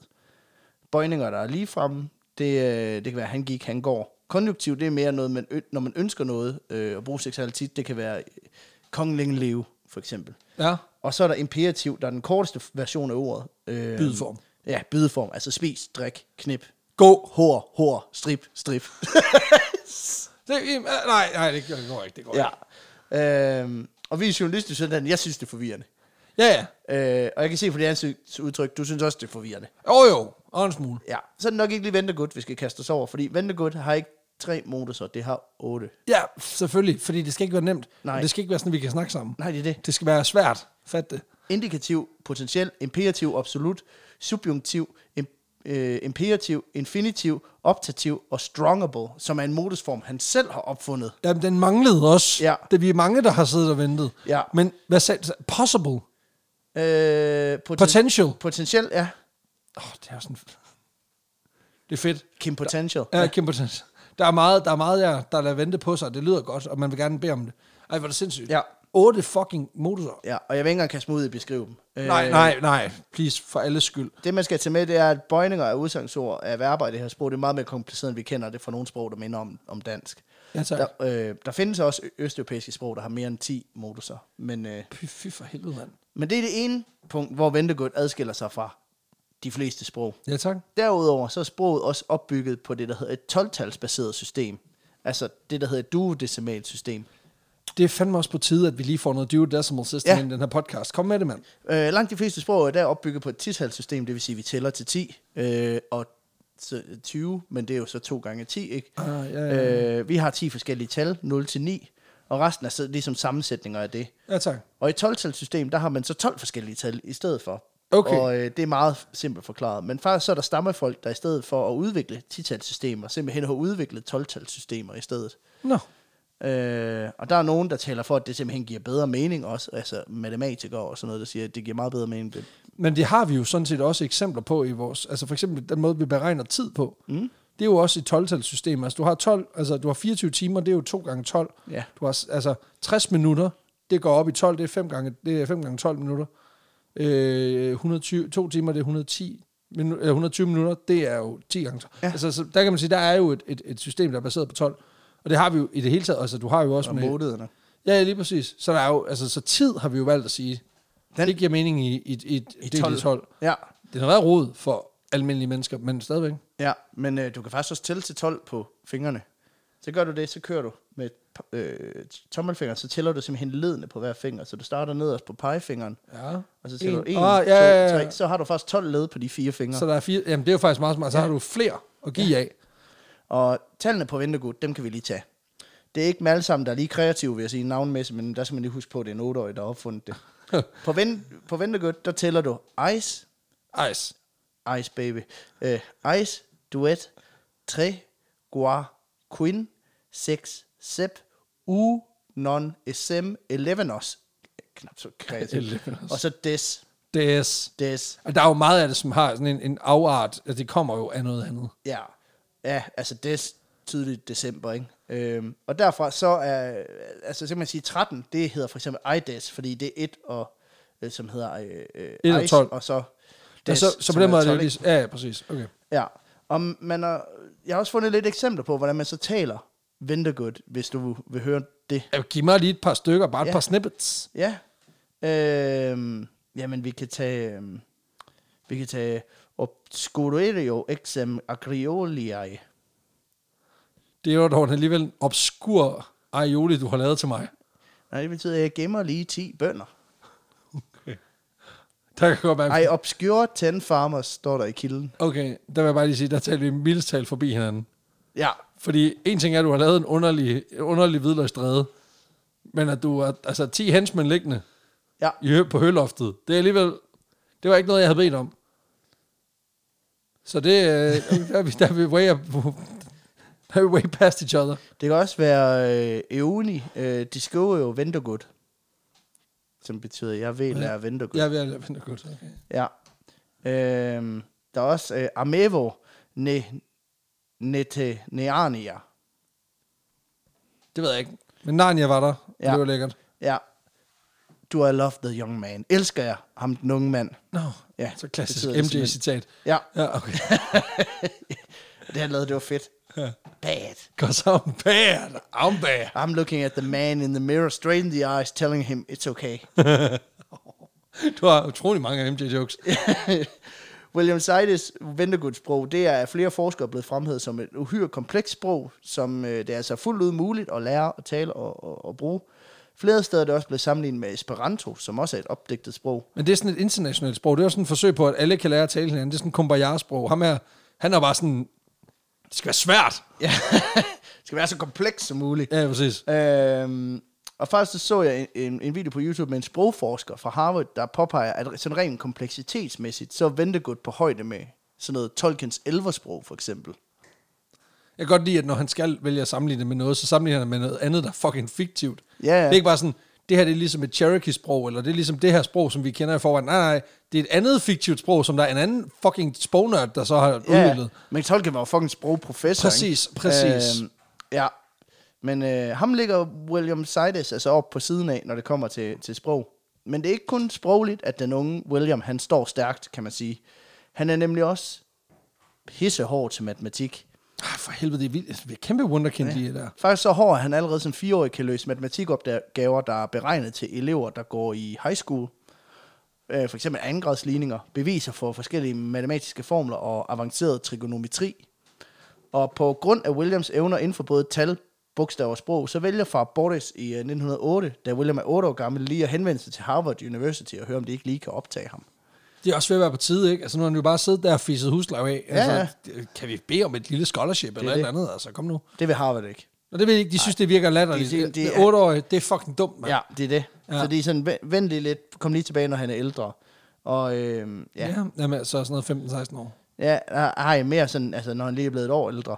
Øh, Ni? Ja, fordi at øh, med lidt ældre, det tolker Borte simpelthen som vent lige til næste år. Så det gør han, og da han vender tilbage året efter i 1909, der, da William er 9 år gammel, der har Harvard sådan, om nu er han jo blevet 9, så er det okay. Så der har været sådan en samtale, hvor Bortis han har sa- snakket i telefon med deres studievejleder. Han er sådan, han er 8 år gammel, og han er et wunderkind, og de er sådan lidt, ja, men han er en dreng. Øhm, altså, Han er jo ikke han voksen. tisser, er jo han ni. tisser jo stadig i sengen, øh, Bortes. Nej, det gør han ikke. Vi har snakket om det. Jeg ved ikke, hvorfor han er tysk. Men det er, han altså, lad mig nu lige få den færdig. Øhm, og, og, og de var sådan lidt, jamen, du kan, du, du kan ikke... Altså, han er, han er 8 år gammel. I- Jeg hører en standby-plads. Ja, ja jeg vender, Så vi- til, jeg vender vi- tilbage. Vi snakker næste år. Jeg ved ikke, ja. hvorfor han var tysk. Det er helt mærkeligt. Nej. Nej. Nå, ja, sorry. Men da han er 9 år gammel, så starter han altså på Harvard University. På tide. Så man kan sige, at han går fra bare at være 9 til at være alumni. Nej, du får den ikke. Ej, okay. Ja. Dermed så bliver William Sidis også den yngste, der nogensinde har studeret på Harvard University. Og jeg kan da huske, at da jeg var på den alder, der diskuterede mine forældre, om jeg skulle rykke en klasse op, fordi at jeg 108 IQ, baby. Øh, Okay, slap af. men det fravalgte mine forældre, fordi de var bange for, at jeg ikke ville have noget til fælles med de andre. Og der kan man sige, at aldersskillet det er lidt større her, ikke? Han kæmper lidt med nogle andre ting, end øh, Peter Løde, han gjorde ude på... på Ude Aulum på Aulum Byskole, ja. Shit, øhm, men det er far Boris fuldstændig ligeglad med. Han er sådan, ja, det bliver lidt nogle mærkelige fredagsbar på det universitet, men i det mindste er det jo ikke sådan, at han skal undervise de andre. Det vil være fucking mærkeligt. Giv det et år. I, I 1910, der starter han så som underviser Ja, selvfølgelig. på Harvard University. Selvfølgelig. Fordi Williams skills inden for matematik er på så højt et niveau, han simpelthen begynder at undervise hos Harvard Mathematical Club, en klub for matematiknørder. Gæt, hvad han underviser i. Er det trigeometri? Ej, ej, ej. Det er for fucking pattebørn, ja. Nå, for helvede. Hvad er vi, hvad er vi oppe i? Integraler eller sådan noget shit? Fucking firedimensionel geometri. Okay, yes. så nu Yes. er vi tid med også. Ja, jeg har siddet i en halv- Altså, Dybde. Jeg har simpelthen, Smag. Smagen er kommet med i, i geometrien. ja, jeg har simpelthen siddet i en halv dag og prøvet at forstå firedimensionel geometri. Og det, jeg har lært om firedimensionel geometri, det er, at jeg er for dum til at forstå firedimensionel geometri. Og dårligt, altså, og, og dårligt nok udfor, altså for meget, næsten udfordret for meget til at overhovedet kunne udtale det. Ja, ja. Ja, og han er 9. og Ja, det det er er han jo det. så ikke 10 år, er han ikke? Øh, jo, Ja, trods, han, trods han, han, han underviser de voksne- voksne studerende som 10-årige, ja. Ja. En ret vild situation, for det, dem, altså, det må jo være sket på et tidspunkt, at han er kommet ind i klassen, og så har en af de studerende været sådan, øh, du er gået forkert, du skal over i 4. klasse, og så har han været sådan, nej, det er mig, der er læreren, sæt dig ned og hold din kæft og åbn din matematikbog, bladet frem til side 109, ikke? Og så læser du bare derfra, og ellers så holder du din kæft, Brad. Ja. Ja. Er du med? Ja. Fucking Brad. Det er altid Altså, Brad. Kæmpe Brad, altså. Og William Sidis, han øh, lægger alle på det her fucking universitet ned. Ja, fordi han er god. Eller det lyder som om, han boller sig helt Det- igennem det tror jeg hele ikke, han bunden. Nej, han fucking smadrer man. Okay, det, han, han studerer. Han imponerer alle, han kommer i nærheden af, kan man sige. Øh, både studerende og undervisere. For eksempel fremhæver en daværende fysikprofessor fra øh, MIT, Daniel Comstock, at Sidis bliver en astronomisk matematiker. Han vil udvikle nye teorier og opfinde nye måder at beregne verden på. Og, øh, Nå, men så undersælger han da ikke den her 10-års potentiale og sætter ham i en altså, umulig position i forhold til... altså, jeg tror, han er rimelig vant til at blive Nå, oversat. ja, det er selvfølgelig... rigtigt. Ja, præcis. Øh, men i 1914, da han er 14-15 år gammel, der dimitterer William Sidis så fra Harvard University med en øh, bachelorgrad i matematik. Og, Tog det ham fire år? Ja, Fucking nu. ja fucking øh, en dum mand. Men til gengæld får han lige en ærespris oveni. Nå, ja, ja, fordi han er fucking 12 eller et eller andet. Ja, ja. Og det kan godt være, at han kommer ud med et CV og et rap sheet, der sparker fucking røv. Til gengæld, så kan man ikke ligefrem sige, at han kommer ud af universitetet med masser af nye venskaber, som mange ellers gør. Det er sygt akavet at være venner med læreren. Ja. Men det er primært dem, han er venner med, faktisk. Øh, men man kan sige, at han er måske heller ikke så meget til fælles med de andre studerende. Du ved, langt de fleste, de, øh, de har to cifre i deres alder, for det første. Øh, men nok også, fordi hans sociale skills ikke er rigtig i top, fordi han aldrig rigtig har fået udviklet dem. Øh, fordi lige så meget som han blev hyldet for sine akademiske evner, lige så meget blev hans problemer på det menneskelige plan også fremhævet. Blandt andet beskriver en studerende ved navn Robert Kahn, at øh, William var genial, men sær. Selv for en 9-årig skillede han sig ud og virkede aldrig interesseret i andet end videnskab og viden. Det er, fordi han ikke kan andet. Ja, og det var ikke mit indtryk, at han havde venner, hverken blandt de ældre studerende eller nogen på sin egen alder. Og mest af alt tilbragte han bare tiden i selskab med de voksne undervisere. Det er også bare altså, sygt mærkeligt at sidde på lærerværelset, og så sidder han bare og, og chiller. lytter. Ja. ja. Det er fucking mærkeligt. Og jeg har, det lidt så, altså, jeg har en mistanke om, at hans opvækst var netop nogle af de her sociale evner og stimulanser er blevet nedprioriteret. Det kan betyde, at han bliver lidt socialt akavet, når han nu endelig er ude blandt folk. Ja, 100 procent. Ja. Altså, det er jo også sådan lidt, jamen, altså, de her unge mennesker er jo for det første formentlig nogle relativt skarpe typer, mm. og så er de kommet ind på den mest prestigefyldte skole i sådan mere eller mindre i verden. Ja. Så de har også et kæmpe krav om at levere, så de sociale lag, de er i, det er nogle, hvor de er trygge, fordi de er nødt til at lægge så meget i deres akademiske uddannelse. Det er det. Og når de skal til at fucking babysitte pattebarn, ikke? Altså, som egentlig bare burde gå op i Fortnite, så virker det jo, altså, så kommer det ikke til at ske. Nej, Nej, altså, det- det er simpelthen for underlig en, kombi- altså, en kombination. Ja, ja. Lærer og 10 år. Ja. Eller 12 år. Men det er heller ikke, fordi han virker sådan sindssygt interesseret i at knytte bånd med andre. Altså, han er lidt en særling. Efter han har dimitteret, der fortæller han blandt andet i et interview til Boston Herald, at hans drøm er at leve det, han kalder det perfekte liv. Det, og det gør vi ikke alle det. Og det perfekte liv for ham, det er at leve alene, afskåret fra verden, med kun hans tanker, viden og intelligens. Så, så far Boris, han spøger i kulissen. Ja. Eller bragt sig ind i førerpositionen. Ja, og det er jo også det, han, ja, det, er det, han har fået banket ind i skallen Så det er bare hjemmefra, sådan, ikke? Øh, Far Boris is here, and he's ready to fuck some shit up. Og apropos fuck some shit up, fordi i det her interview, der svæver William også, at sex og det andet køn, det ikke interesserer ham, og derfor så vil han leve i celibat hele sit liv. Øh, så han har en eller anden form for social handicap, tænker jeg. Eller har i hvert fald I hvert fald nok... begrænset enormt meget i sin ud- udvikling i forhold til sociale evner. Ja, Men, men men det er jo altså- fordi, han har jo ikke fået nogen. Nej, men man kan også sige, at når du er så pissegenial, kan det også være svært, tænker jeg, at, at connecte med andre. Øh, du er jo ikke på bølgelængde med dine jævnaldrende, og dem du er på niveau med, de er sådan et helt andet sted i livet, ikke? Så du ender jo netop med bare at være sammen med dine voksne undervisere. Og faktisk så er netop den her problemstilling et andet af de tegn, man som forældre kan kigge efter, hvis man mistænker, at ens barn er super intelligent. Det her med, at de primært kommunikerer med voksne, fordi dem, der er på deres egen alder simpelthen er under De interesserer dem ikke. Nej. Og kort tid efter uddannelsen, der starter William så på Harvard Graduate School. Men der bliver han ikke særlig længe.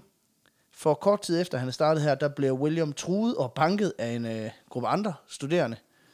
Og det er også fejehold, fordi de er dobbelt så gamle ja. som ham. De giver ham lige den traditionsrige Herlus Holm velkomst. Ja, altså, Altså, præcis. ja. Øh, Knytter i face, trykspark i brystregionen. Ja, så velkommen kører vi. til. Øh, og de mobber ham simpelthen for hans manglende sociale evner, og nok også lidt af misundelse over hans akademiske færdigheder. Men det er jo også den bedste måde at udvikle folks sociale færdigheder på, det er at virkelig sk- udskamme dem for den mangel ja, Ja, på samme. du er Du... mærkelig, så nu banker vi dig ind til du er normal. Den banker dig til normalitet. Ja, Ja. Så i stedet for, så skaffer hans forældre ham et job som øh, matematisk undervisningsassistent hos Rice University i Houston i Texas. Og øh, her i en alder af 17 år, der underviser William Seides altså for første gang officielt i hvert fald. Okay. Og den her gang, der må man give ham. Der han valgt de nemme fag. at Nå, undervise ikke i. noget med firedimensionel øh, geometri. Nej, altså, du ved, alle dem, man tager som valgfag, hvor man bare lige skal møde op, og det er, ikke, og det er bestået, ikke bestået. Du Ja, det ved, er to pisse- ECTS, ikke? Ja, altså det er fa- fag som euklidisk t- geometri og ikke euklidisk geometri. Ja, alle Så de gode. Geometri. Fordi Hvad er ord, du forstod i den sætning? jeg tænker, at det, enten er det vel euklidisk, eller, eller også er det ikke. Det er, måske er det, fordi du skal tegne euklid med trekanter. Det kan godt være. Altså, hvor du, og, så er det jo, og så skal du så den anden del, hvor du sk- ikke skal tegne med trekanter. Euklid, det lyder som en kornsort, du ikke har lyst til at spise, synes jeg. Det lyder som en, øh, sådan en, en Monsanto-kornsort, der er blevet altså, udviklet kun til at kunne dyrkes inden for EU's grænser. Ja, Ja, og som er rigtig god, hvis du har dårlig mave. spiser du EU-klid? Euklid. Det skal du gøre. det er fucking godt for mausen. E Ja. Ja, det er ikke til at skaffe i England, du. Nej, præcis. Nej, altså efter de er gået ud, så, så altså, det visner på markerne for ja. dem. Ja, hold kæft, mand, deres, øh, Det er virkelig et biohack, der ved noget. deres maver, de har aldrig været, altså, de har aldrig skidt så tyndt, Jamen, som vi har efter, simpelthen- de ikke har, havde mere euklid, du. Jamen, vi, kan simpelthen, øh, vi kan simpelthen styre EU-klæden nede fra Bruxelles, altså hvor vi simpelthen bare kan skrue op. Så hvis, øh, du ved, hvis romanerne de begynder at blive lidt kokke, så kan vi altid bare lige skrue op, så de får super meget diarré og spise det. Ja. Det er mega smart. Ja. Og for lige at sætte trumf på, så øh, skriver han faktisk også en hel lærebog om den græske matematiker Euklid Ja. ja. øh, og hans teorier. Og den skriver han selvfølgelig på græsk, for lige at fucking plære sig. Ja, selvfølgelig. Er han tegnet med trekanter eller cirkler på, øh, på coveret? Det ved jeg sgu Jamen, det ikke. er bare et spørgsmål, om det er euklid eller non-euklid geometri, der er blevet brugt. Og det ved jeg ikke. Jeg tror bare, det er... f- Det ved jeg ikke. Det er noget med korn og sådan Men øh, man kan måske også godt forstå, at, at hvorfor han ikke er så populær. Altså, han er også lidt irriterende, ikke? Altså, han er lidt en blærerøv også. Bedre vidende. Ja, han, når man er typen, der skriver om- en bog om en græsk filosof på græsk, fordi det lige er lidt sejere end at skrive det på engelsk, så fortjener man altså også at blive mobbet lidt. Undskyld, jeg siger det. Får man lige et Ja. heste, et- altså hvad hedder hestebid og en, Ja, så har du brug for lige at og en kindhest. et nyk nedad. Det er med mennesker, som det er med græs. En gang imellem skal lige slås for at blive holdt nede. Altså, ej, det er for sjovt. Det er jo, Det er jo far, der gør det. ja, det er jo far. Han skal nok holde ham nede. Han bliver ikke holdt nede af sin far, kan jeg hilse at sige. Nej. Men man kender godt lidt typen, ikke? Altså, du Jo, jo, jo. Ved, dem der, der lige er nykket klogere end en selv, og ikke helt kan lade være med lige at tvært ud i hovedet på dig. Dem der, der står og er sådan lidt sådan, "Ah, ah, ah, ah, nu kunne jeg ikke lade være med at høre, at du omtaler det. Croissant. Men det hedder jo croissant. Hvor det kommer jo af det franske ord croissant, som på fransk betyder halvmåne, og der behøver jeg vist ikke være klar, hvorfor bagværket hedder det. Ja, sådan noget lærer man, når man har studeret fransk på universitetet, og du står bare der, det er fint nok, men put nu den croissant ned i posen og giv mig bongen med for helvede. Altså, To for en 20'er. Kom nu lidt. der får altså, en kø altså. bag ved mig. Ja, præcis. Prøv. at- Klokken er tre om natten, det er 7-Eleven. Du skal give mig det mad. Hold din fucking kæft. Ja, lige præcis. Der går heller ikke længe før, der går skud og mudder i samarbejde mellem William og det her universitet, han underviser på. Øh, mindre et- end et år efter, der øh, vælger William Seide simpelthen at opsige sin stilling på grund af en masse forskellige problemer. Blandt andet så er han frustreret over ledelsen og deres krav, og så er han også træt af at blive talt grimt til af de ældre studerende.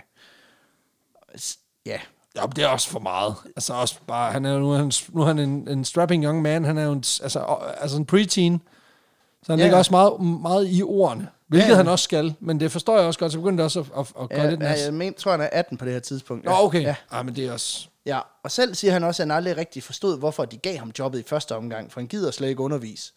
Så, Han vil bare gerne forskud over det hele. ja, det tænker jeg, det, hvem, Modtager. hvem vil ikke det, når man er 18? altså, præcis. det kan godt være, at det er svært at leve, leve celibat, men han skal jo komme af med det på en eller anden måde. Ja, præcis. Så i stedet så vender han tilbage til øh, Harvard for den her gang at studere jura. Nå, så er han, okay, så, så er han bare sådan lidt, jamen, så kan jeg ikke få det, jeg gerne vil have, men fint nok, så tager jeg bare lige en jura-uddannelse ja. på Harvard. Okay, cool nok. Det dropper han Fuck så ham. også ud af Nå. i 1919, øh, i hans sidste år på uddannelsen. Og nu er han altså omkring de 20. Han har en bachelorgrad i matematik, en, en halv i jura, og så har han en intelligens, der er Er way above. Average. through the roof. Ja, tak. Hvad er det næste, der venter ham? Hvad med, hvad med en lille smut i fængsel? I fængsel? I fængsel, ja, ja, ja. ja. naturligvis. Det er det næste skridt for sådan en type. Det, er jo- det gør de jo alle sammen. Ja, for du kan jo ikke være et rigtig geni, uden du lige har været Egon Olsen og været inde og spjælde, vel? Nej. Ja. Det, der sker, han, er, at han i 1919, kort tid efter han har trukket sig ud af jurastudiet, bliver arresteret og dømt til 18 måneder i kashotten. Øh, og det er heldigvis ikke for at være jøde, ligesom hans far. Det er værre end det. Nå. Hvad er han blevet? Han er blevet socialist. Føj for helvede. Gentleman Finn. Altså, Føj for hvad helvede. fuck laver der skal du? sgu da rulle pikhoveder. Præcis, det skal der da. Det var også ved at være på tide. Det er kraft- Hvad fanden laver han? Han er blevet en Kraft- udlægger. Føj for helvede, så er han blevet sådan en, der går op i, at andre har det godt. Føj. Ej, hvad fuck laver Ja. ja. du? Nå, For allerede, selvsygt. for allerede mens William han går på jurastudiet på Harvard, der begynder han simpelthen at interessere sig for socialisme.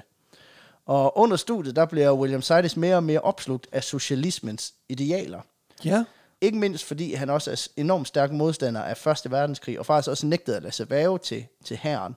Simpelthen fordi han var 100% imod krigen og den siddende regering, og var sådan, prøv at høre, socialisme, det er bare the shit. Forkert tidspunkt i USA at sige det på. Ja. Ja. Og faktisk så mener man, at grund til, at han dropper ud af jurastudiet i det hele taget, er for at dedikere endnu mere tid til den socialistiske agenda og til at protestere mod den siddende amerikanske regering. Altså, det er også en meget sådan smuk poetisk retfærdighed, at drengen, manden, myten, der altså, notorisk er dårlig til at snakke med andre mennesker, bliver socialist. Ja. Altså, om ikke andet så bare for det retoriske element i det. Ja, Ja, altså, ja. han må også selv have syntes, det var lidt sjovt. Ja, jamen, jeg er jo ensom, jo, så det er sygt mærkeligt. Ja. ja. Hvorfor ringer far ikke? Især fordi han også siger, at han måske lige vil stille op til et valg eller to. Og det kan kun blive godt. Det kunne blive godt. Ja, det kan jeg godt mærke. Ja. Ja. Det. Og der kunne jeg godt lave en joke om ekstrem venstreorienteret, der ikke laver en skid. Øh, men den har William Silas lidt lavet for mig, da han dropper ud af studiet for at blive fuldtidssocialist. Så Nogle gange behøver man ikke skrive det. nej, det er det. Ja. Easy. For øh, snart, så kan du ikke gå til en demonstration nogen steder, uden at du lige løber ind i William Sides. Og øh, det er altså under en socialistisk Mayday-parade i Boston, at William Sides han blev anholdt. Og først så blev han anholdt under det, der hedder The Sedition Act of 1918.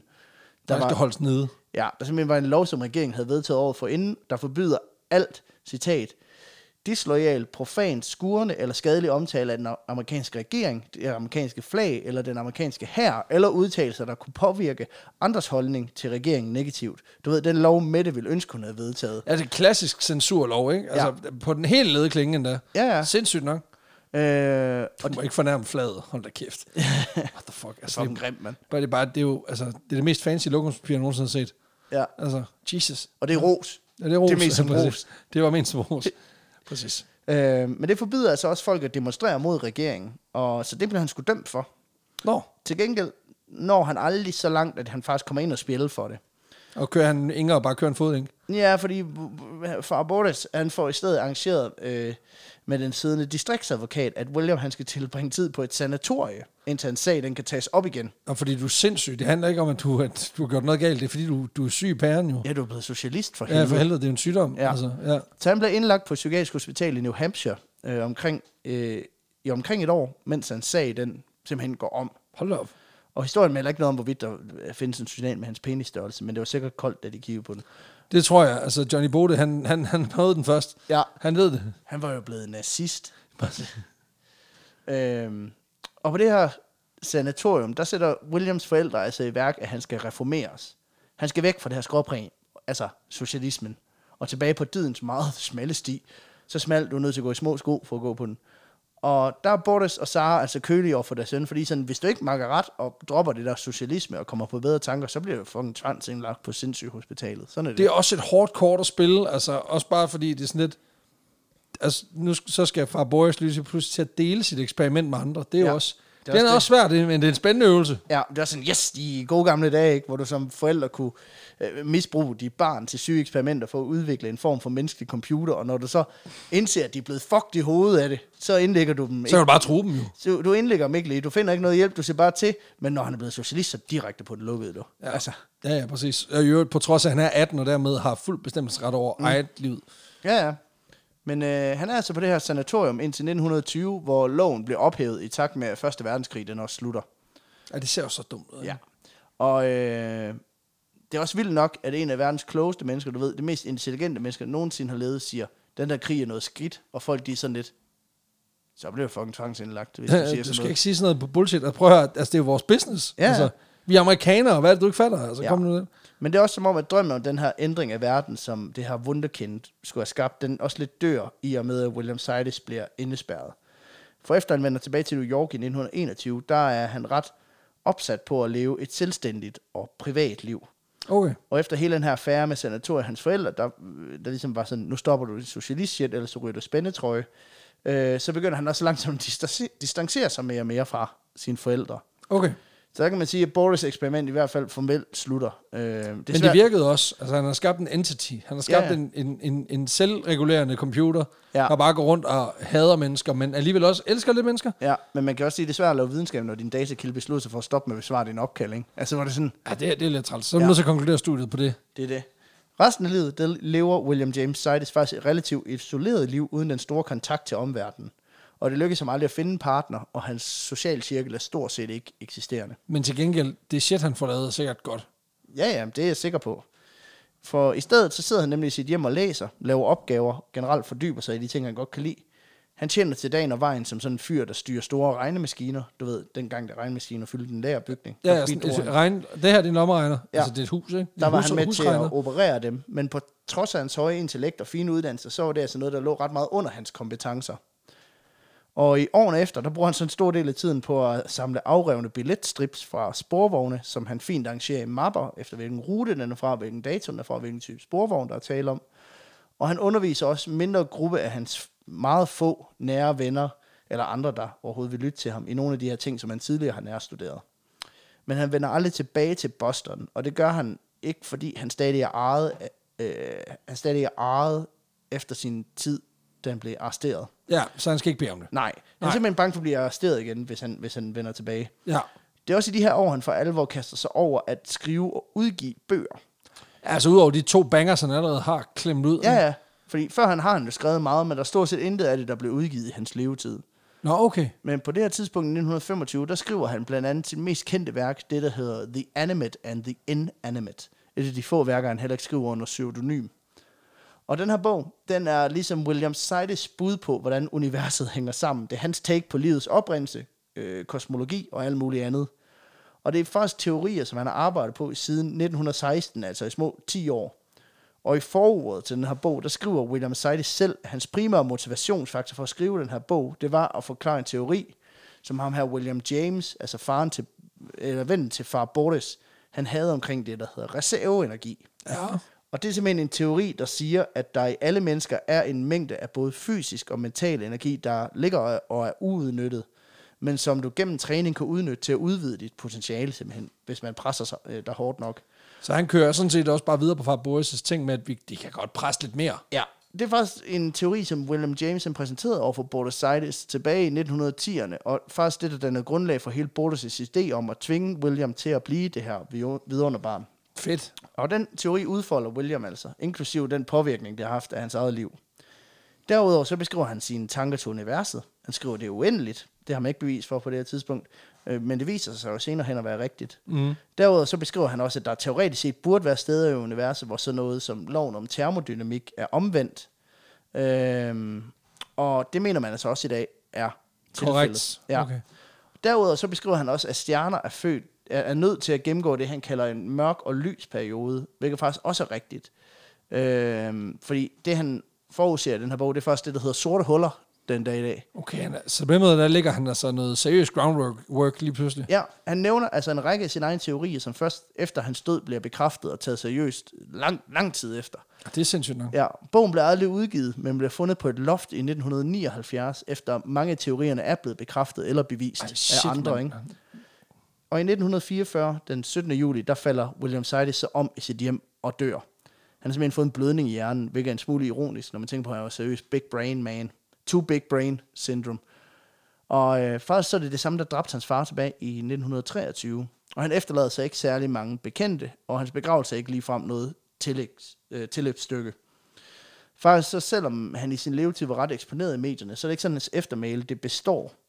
Tværtimod så bliver han totalt glemt i offentligheden og udelukket totalt, når snakken falder på, hvem der egentlig har været de klogeste hoveder gennem tiden. Og det er først, at man i 1976 genopdager det her manuskript, hvor han forudså blandt andet sorte huller, at man får øjnene op for hans historie og hans ja. geni. Og hans, altså den dybde og den kompleksitet, hvorved han har arbejdet og leveret. Ja. Ja, okay. Men man ved ikke præcis, hvor intelligent William Sidis var, men mange mener, at han højst sandsynligt er det mest intelligente menneske, der levede. I hvert fald, hvor deres intelligens og det, de har gjort, er relativt veldokumenteret. Ja, Og hos de her eksperter, der er altså ingen tvivl om, at han intelligensmæssigt lå uden for skalaen, bogstaveligt talt. hold da op. Men- øh, Men, Kæft, hvor vildt. Ja. Og de anslår, at han ligger på de her 250-300 stykker. Det er eddermame- og, så- og bare et stort spring, altså fordi bare fra altså to, øh, 108 til 116 eller 120, Ja, ja, det er det er, der stort er langt. Det er det. Så det der med, at man lige har 50 at give af på en dårlig dag, Ja. og så stadig være den vildeste i verden. Men det ikke? er simpelthen historien om William Sidis, verdens Sind- mest intelligente person, men nok mest by design af hans crazy ass dad. Ja, og det er simpelthen et selvstudie i, hvordan du ikke skal være forældre. Så lad være. Men mindre du Fucking vil have Bortes. en fucking weird søn. Jo, men at, at, at ødelægge hans liv, ikke? Nå, men, Ja, vild historie, Peter. det var simpelthen... øh, Kæmpe vild historien. historie. Ja, Ja. Tusind tak for den. det var så let. Vi skal også lige afsløre, at du har jo faktisk hørt den før. Jeg har hørt den før, øh, men jeg har hørt Og, den... og dog ikke. Altså, Nej, Det var fordi jeg har hørt den i et meget, meget... Altså i et, et, et, et øltelt i Jelling, hvor der var utrolig meget larm, hvor jeg primært har reageret på det, jeg troede, jeg hørte. Ja. Øh, og det var, det var nok til at få publikum til at grine, hvilket jo er dejligt, men, men det er rart for en gang skyld at have hørt historien, hvor jeg faktisk fik alle Ja. ja. nooks and crannies. Altså, ideen var jo, det, vi lavede den live på Jelling Festival. Det gjorde vi. Og øhm, ideen var, at det skulle optages, men optagelsen er simpelthen ikke... Nej, der, var- de første 20 minutter var i hvert fald væk, og derfor så synes jeg, at det var, sådan lidt, det var lidt mærkeligt, ja. det der med bare lige at springe ind i Jeg vil handlingen. lige sige, det har ikke noget med os at gøre. Det er noget med... Det, ja, sådan er det, det, det er jo. noget teknisk. Det er noget Øh, teknisk is. Noget desværre. teknisk, noget Ja. teknisk ballade. Men øh, vi skal have rangeret den på Det skal vanvidsbarometer. Vi har vores fem kategorier. Vi har vildskab, lol-faktor, uniqueness Indflydelse. og, og extra spice. Og hvor vild er historien? Jamen, jeg synes, William Sidis er jo, er jo en vild karakter. Også bare fordi Ja. ja. de ting, han rent faktisk opnår før han er 10, det bliver nødt til at tælle enormt højt. Så jeg tænker at give ham en 7'er. Det der er. Det vil jeg godt tilslutte mig. Og det er også, altså, jeg tror, at jeg havde givet ham højere, hvis det havde været 100% dokumenteret, hvad hans IQ-score var, for eksempel. Ej, okay, jeg er nødt til at... Jeg går op på 8, men det er fordi, at øh, han lavede sit eget UK-sprog. Det kan jeg også nu. Ja. Ej, jeg holder mig til de syv. Ja tak, så det er 15. LOL-faktor. Altså, den er jo sådan... Den er jo sjov, men den er også forfærdelig. Ja. Det er jo den balance, vi er i her. Og det, det er sjældent der, hvor de sådan bliver topscorer. Jeg synes, der er nogle gode elementer i det. Også det der med, at at så faren begynder at omsætte sig til tredje person, bare lige for at... For ligesom Spice at, det læ- lidt lægge, op, jamen ikke? også for at lægge lidt afstand, men uden at gøre det alt for meget og sådan ting. Så jeg er på en, øh, jeg er på en solid sekser. Det synes jeg. Jeg vil godt give den 7, og det er primært, øh, primært på grund af hans sprog, Ja, som det er jeg fair. Mhm. synes er fucking grineren. Ja, Jamen, det er også Og altså, øh, hans både meget kreative og totalt ukreative tal, Ja, ja, synes jeg er præcis. meget, fe- øh, meget fede. Uniqueness, altså det er jo de færreste, der er, altså wunderkinds findes jo, men det er jo også ofte en meget bred palette mm. af evner, de har. Og det der med at stå og undervise i firedimensionel geometri og, øh, og t- tegne en øh, græsk øh, filosof og tænker i firkanter eller i cirkler, Ja. ja. hvilket er det, jeg antager, at øh, euklid og non-euklid øh, geometri er. Hvis ikke det er det, så må I rigtig gerne de melde en DM'er. Ja. I DM'eren, bare lige fordi, så kan jeg blive klogere. Men, åh, så jeg synes, han er ret unik. Det synes jeg. Altså for Det mig, synes jeg for også. mig der er han en, en, en stor syr. En syr. Jeg vil godt give ham 8. Ja, tak. Øhm, på grund af... Altså, jeg, jeg, læner, jeg, jeg tror, han er en af de klogeste, der nogensinde... Men det er svært, med- når der er andre, der, der er så store, ikke? Men han er, han er også bare øh, resultatet af et fucked eksperiment, Det er som han. aldrig bliver lavet igen. Og forhåbentlig ikke i hvert fald. Så, Præcis. Ja, Så har vi den næste kategori. som er indflydelse. Ja, tak.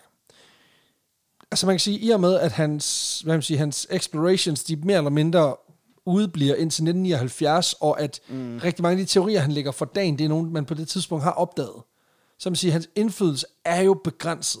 Mm. Altså, det er en fancy titel at være den mest kloge i verden, men hvis det, du har formyndt, altså det, du har formået at konvertere dit talent til, det ikke rigtig er noget, så Altså, er jeg nødt til at øh, man score kan den. sige, hans bog, som blev opdaget der i 70'erne, der skriver han jo nogle teorier, som, altså inden at man har Ja. ja. øh, set dem, ikke? Og Jo. det, det, det må give lidt, for han får godt nok ikke credit for dem, desværre. Mm. Men, øh, men alligevel, så synes jeg, at man er nødt til, jeg, jeg, jeg giver ham lidt for at, at, at, at have kommet på det, trods alt, selvom det først blev opdaget i 70'erne. helt sikkert. Altså, øhm, så jeg vil godt give ham 6. Okay, jeg giver ham en 4. Fordi jeg synes, jeg synes ikke helt, det, det kommer der, hvor bongen. Også fordi det virker lidt som om, altså, at, at andre har udviklet deres teorier sideløbende med ham, mm. og så bekræfter han sådan set bare den tanke. Ja, ja. Øhm, og så har vi Extra Spice. Altså, jeg synes jo, det er en skør historie. Det er ikke en sjov, haha-sjov historie, men det er en skør historie. Og det bliver vi nødt til at honorere. Så jeg er der, hvor jeg giver den en 8. Jeg vil godt give den 7. Ja, Øhm, jeg jeg har rigtig meget og det er egentlig... til sammen i dag. Ja, men det er egentlig fordi, at jeg... Jeg tror, der er historier, vi har givet 8, hvor, som jeg synes har været mere spicy. Ja, Helt helt og det, øhm, så det er det, jeg læner mig op af. Ja, ja, ja, men jeg synes, det, øh, her der er det jo de skøre detaljer, og det der med at lige at lave otte sprog, som, altså, som nærmest du matcher din, din antal år på jorden med det antal Ja. ja. sprog, du taler, og sådan nogle ting. Også bare valget af sprog, at det lige bliver armensk. Ja, Altså, det, det er er, jo, også det, er jo fars, insp- det er jo fars indflydelse lige der, ikke? Ja, ja. Men stadigvæk, og så jeg udvikler mit eget sprog. Fuck det her, mand. Altså, det er alle de sprog, jeg læste, der var dårlige. Ja, ja. Det synes jeg også kan noget. Men det bliver simpelthen til 68 til William Sides Som- på vores vandvidsbarometer. Som jo er over middel. Over Og middel. det viser jo, at Big Rigtig fint. Brain og øh, score for vandet Kan bringe dig langt. Det øh, kan bringe dig langt. Det kan det, det kan det, de helt sikkert. følges ad. Det kan det. Tusind tak for historien, Peter. Det, var det var, så lidt. en øh, kæmpe fornøjelse at høre, genhøre den i, øh, i absolut bedste kvalitet direkte ind i min øregang. og jeg håber selvfølgelig også, det er det, der kommer til at ende ude hos jer, kære lyttere. Tusind tak, fordi du lyttede med til den her episode af Vanvittig Verdenshistorie. Og øh, ellers så er der jo ikke andet end at sige, øh, vi lyttes ved næste gang.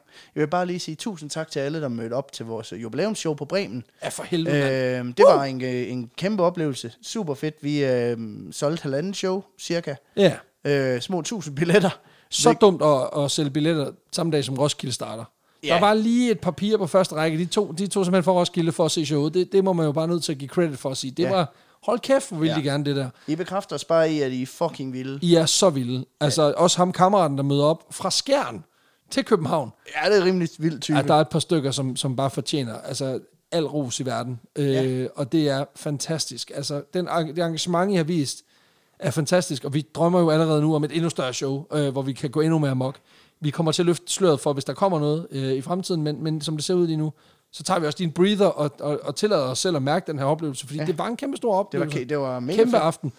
Og der er selvfølgelig også øh, der var mange ting i, øh, i pipelinen, som, øh, som folk blev klogere på, dem der var til showet. Ja. Men det får I andre jo mere at vide om, når show nummer 100 bliver udgivet i september måned. Ja. Hvilket også er mærkeligt, vi har optaget en episode, der først kommer om tre måneder. Men sådan er det. Ja, ja. Det bliver pissegodt. Og i næste uge, der er der et nyt afsnit til jer. Vi ses. Moin.